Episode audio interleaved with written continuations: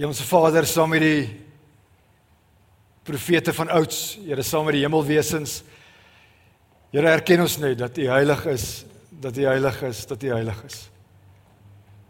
Here is die een wat op die troon sit. Here is ons koning. Is die koning van die heelal. Here is die koning van hierdie aarde. Here uiteindelik is U die enigste een vir wie mens kan buig, Here vir wie ons wil buig. En Here, dankie. Dankie vir iets soos 'n erediens. Here, dankie vir elke musikant. Here, dankie vir elke vir elke mens, vir elke man, vir elke vrou wat deel is van ons multimedia bediening.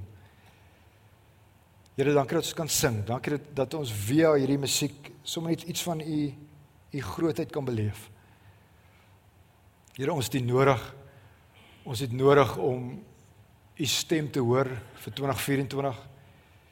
Here, ons het nodig om te groei in ons verhouding met u. Here, en ek wil bid as u seuns, as u dogters, Here, kom help ons. Kom help ons om te glo. Kom skenk aan ons hierdie genade hierdie hierdie genadegawe van geloof. Help ons Here om op u, om op u alleen te vertrou. Here, u is die God wat altyd getrou is. U is die God van Abraham, u is die God van Isak, u is die God van Jakob. U is die een wat is, u is die een wat was, u is die een wat gaan kom. Here, kom kom open asseblief ons harte, kom open ons verstand.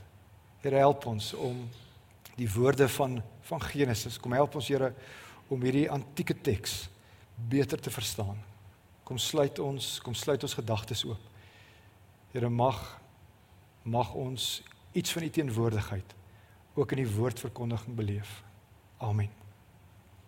Gemeente, as jy 'n Bybel het, maak asseblief saam met my oop by Genesis hoofstuk 29. Ons gaan daar kyk na die verhaal van Rachel, van Lea, van Jakob. Ons ons leef nie net van kos nie. Ons het elke woord van die Ou Testament, ons het elke woord van die Nuwe Testament ook nodig. So terwyl jy blaai, vandag se hele preek gaan oor verwerping. Die jong mense sal praat van rejection. Ons is besig met hierdie reeks. Die reeks se naam is Vasgeval en partykeer in die lewe gebeur dit net. Laat jy in 'n groef beland. Dit gebeur partykeer net dat jy so in 'n gat is en dit voel vir jou asof jy nie in beweging kan kom nie. Twee weke terug het Colin met ons gesels oor lyding en die en die nodigheid wat ons het om ook 'n goddelike perspektief te hê oor oor lyding. Verlede week Johan Smit het ons gepraat oor versoekings. Versoekings is deel van my lewe, dis versoekings van jou van jou lewe. So vandag se hele boodskap gaan oor verwerping. En niemand van ons spring dit vry nie. As jy as jy op laerskool is, dan kom jy kort voor lank agter.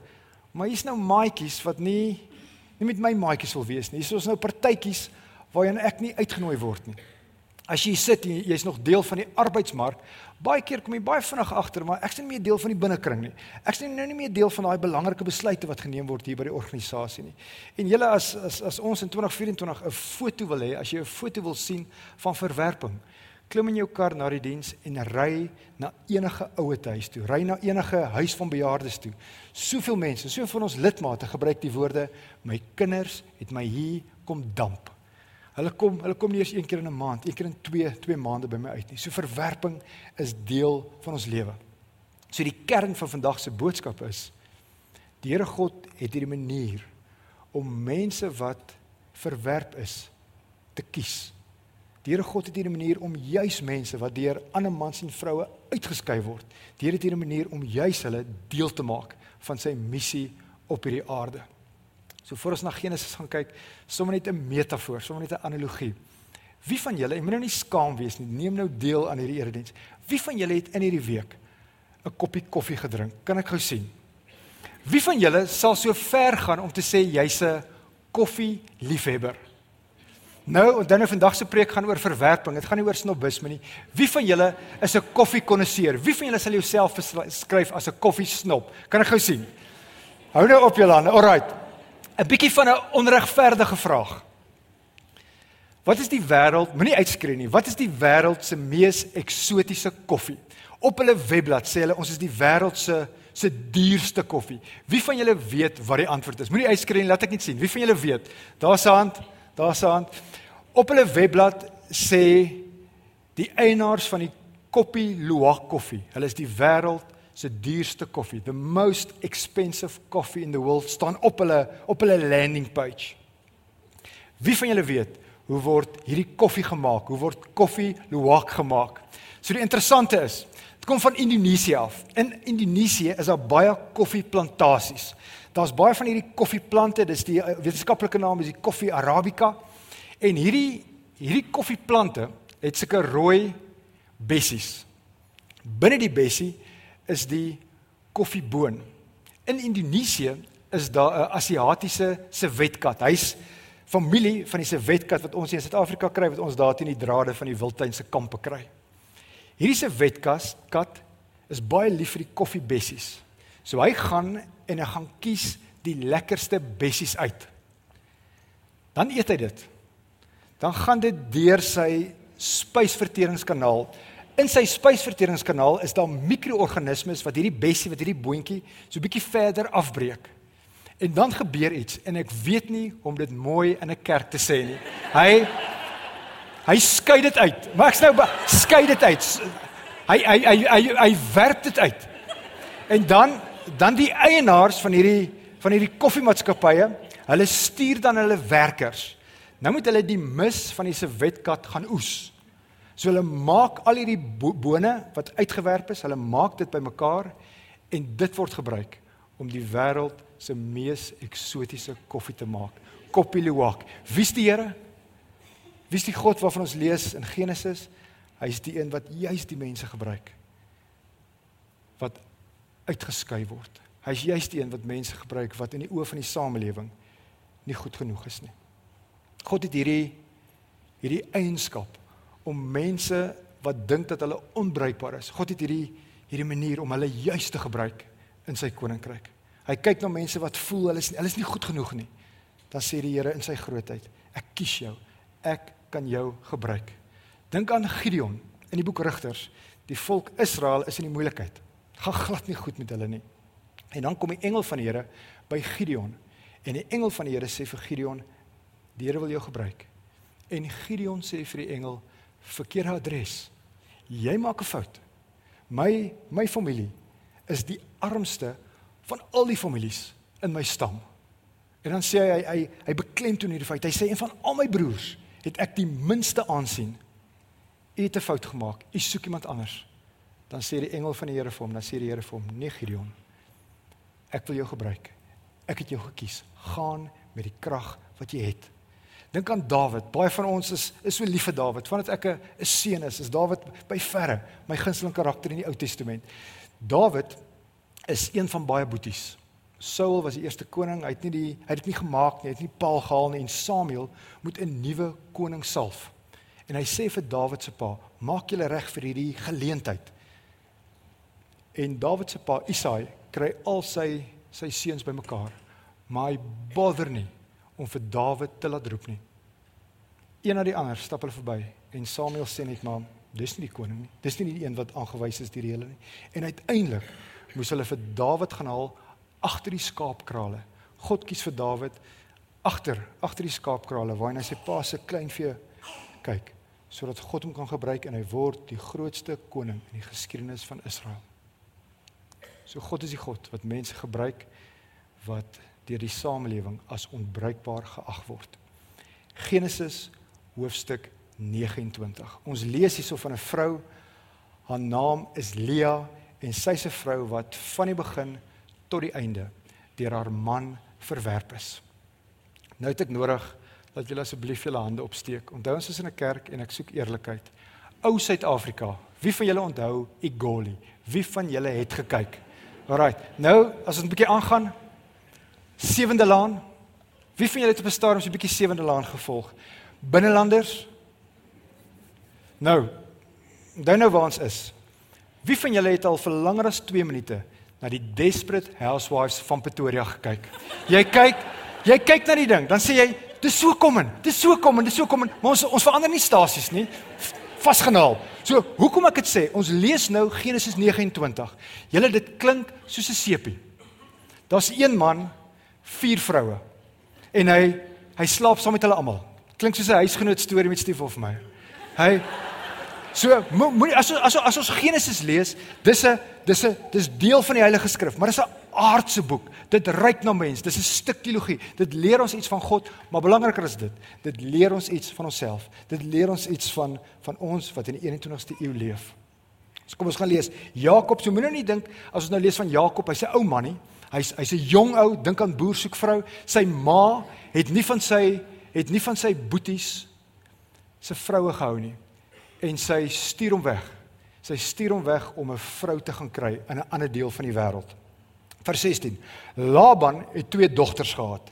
Die oudste was Lea en die jongste Rachel. Lea het sagte oë gehad. Van die vertaling sê sy het swak oë gehad.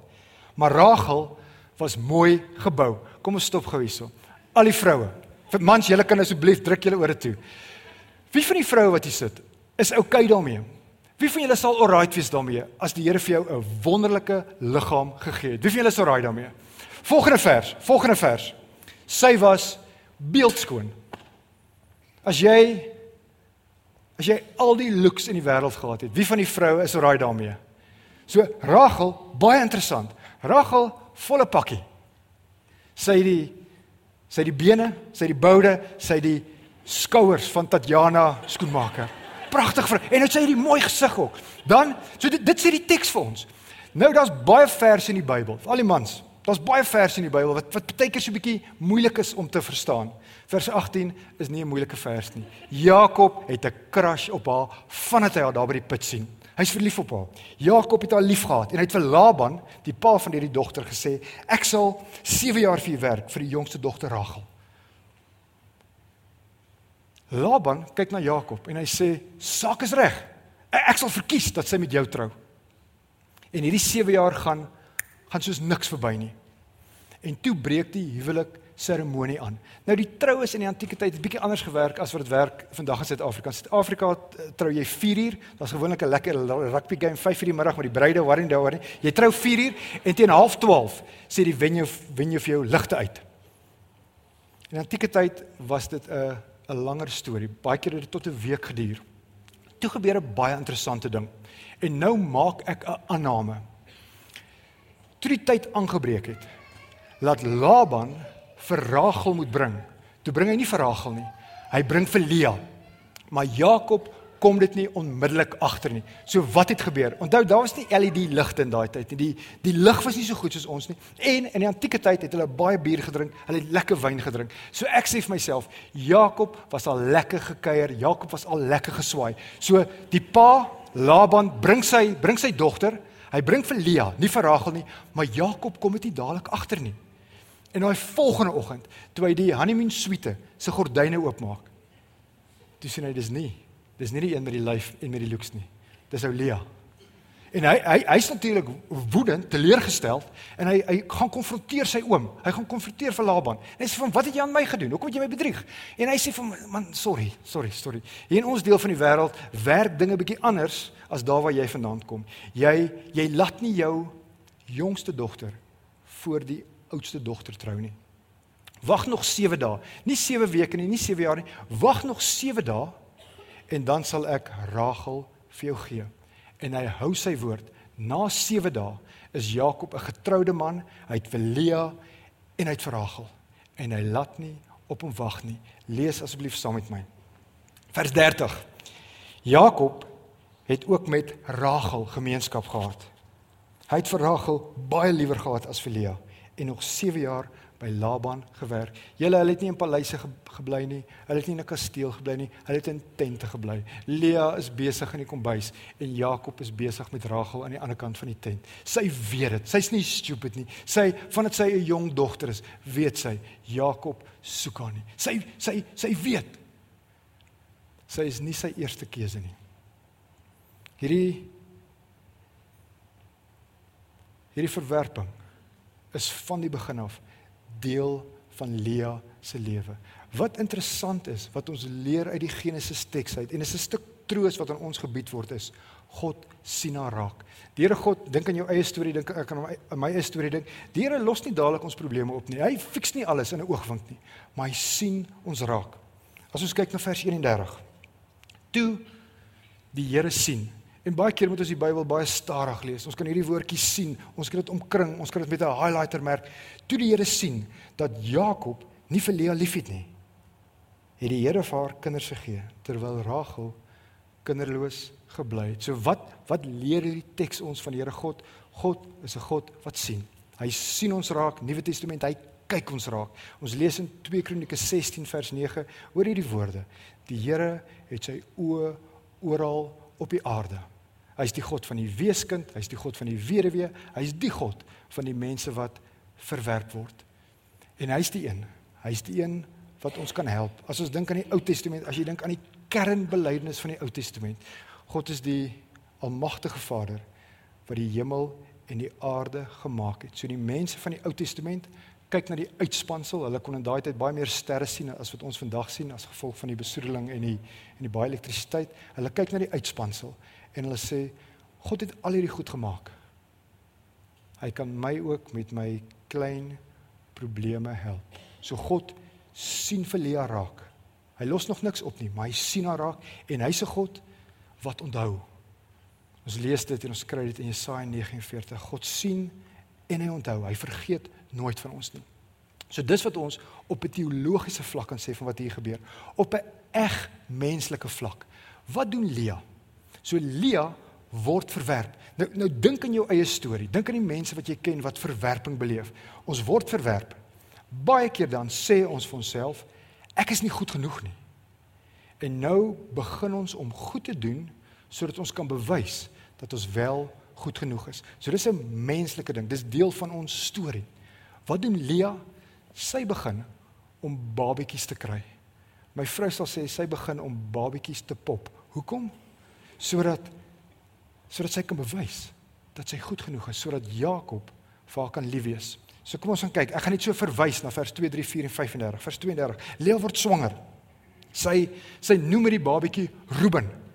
Want sê sy en dis waar. Die Here het my smart raak gesien.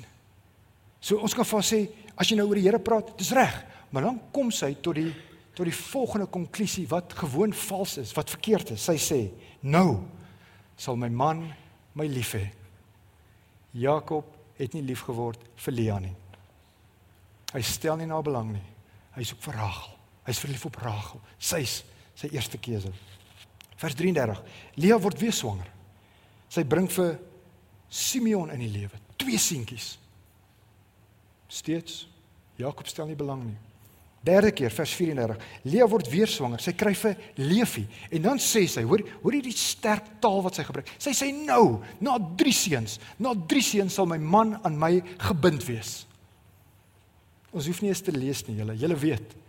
Jakob het nie lief geword vir haar nie. Hy het haar bly verwerp. Maar sy hou nie op nie. Want hy het ons klein was het ons so geleer van die van die voortrekkers die vroue kaalvoet oor die Drakensberge. Sy sê sy is 'n tough nut. Sy sy gaan nie ophou nie en sy kry 'n vierde babatjie. Sy het nog 'n keer swanger geword en 'n seun in die wêreld gebring. Sy het gesê hierdie keer prys ek die Here. Daarom het sy die seun Juda genoem. Daarna het sy vir eers nie weer kinders gehad nie. So Lea, sy gee vir Jakob vier kinders. Hy verwerp haar, hy verwerp haar, hy verwerp haar, hy verwerp haar. Dan in die teks is dit basies soos 'n soos 'n advertensiebreek. En dink aan ons sepies, nou's dit 'n nuwe toneel. Nou kyk ons na Rachel. Onthou wie's wie's Rachel? Sy het die looks, sy het die lyf. Sy het 'n man wat na haar smag. Hy's regtig lief vir haar. Ons sal dink sy's gelukkig. Ons sal dink sy met die sy met die hemelse vrede hê. Maar sy het dit nie. Want sy's kinderloos. Genesis 30 vers 1. Toe Rachel merk dat sy nie vir Jakob kinders in die wêreld bring nie, het sy jaloers geword op haar sussie, op haar suster. Rachel het vir Jakob gesê: "Gee vir my seuns, anders sterf ek." Aan die buitekant pragtig, aan die binnekant is sy vol jaloesie, vol afguns, vol vernyn. Albei sissies is ongelukkig. Albei is in 'n gat, albei is in 'n doodloopstraat. Vers 2 Jakob het hom vererg vir Rachel en van gevra, "Kan ek God se werk oorneem?" Dis hy wat sorg dat jy nie swanger word nie. Dit is asof Jakob vir sê, "Lea, ek het biologie gehad op skool. Daar daar's niks fout met my nie. Ek het al 4 kinders van my eie. Ek het al 4 keer vir Lia swanger gemaak. Die die probleem is by jou. Jy het 'n issue. Moenie moenie nou jou kom en staan nie vir erg vir my nie. Jy moet dinge uitsorteer. Ek is 'n stoetbal. Hulle noem my stoetbal by die rugbyklub. Wat wat is jy? So Lia Lia het 4 babetjies, maar sy het nie die looks nie. Rachel het die looks. Maar sy het nie babetjies nie. Albei is ongelukkig ten spyte van die feit dat die Here in albei van hulle se lewe, se lewens aan die werk is. Toe maak Rachel 'n plan. Nou hierdie is 'n kompetisie. Ons lees van die wetywering in hierdie teks. Rachel besluit wel nou nou gaan ek my slavin vir Jakob gee want in die antieke tyd is dit as jou eie kind geag as jou slavin 'n babatjie vir jou in die wêreld bring. En Rachel sê vir Jakob: "Gaan slaap by my slavin sodat sy vir my 'n kind in die wêreld kan bring." En Jakob sê: "Oké, okay, ek sal een vir die span vat." en hy en hy maak haar swanger. Maar Rachel wil wen. En vir 'n tweede keer gee sy haar slavin vir Jakob en hy maak haar weer swanger. Hy kry nog 'n seentjie. En interessant as jy die teks gaan lees, sy gebruik die woorde nou het ek gewen. Ek het 'n kompetisie met Lia gewen. Lia is net so kompeterend soos haar sussie.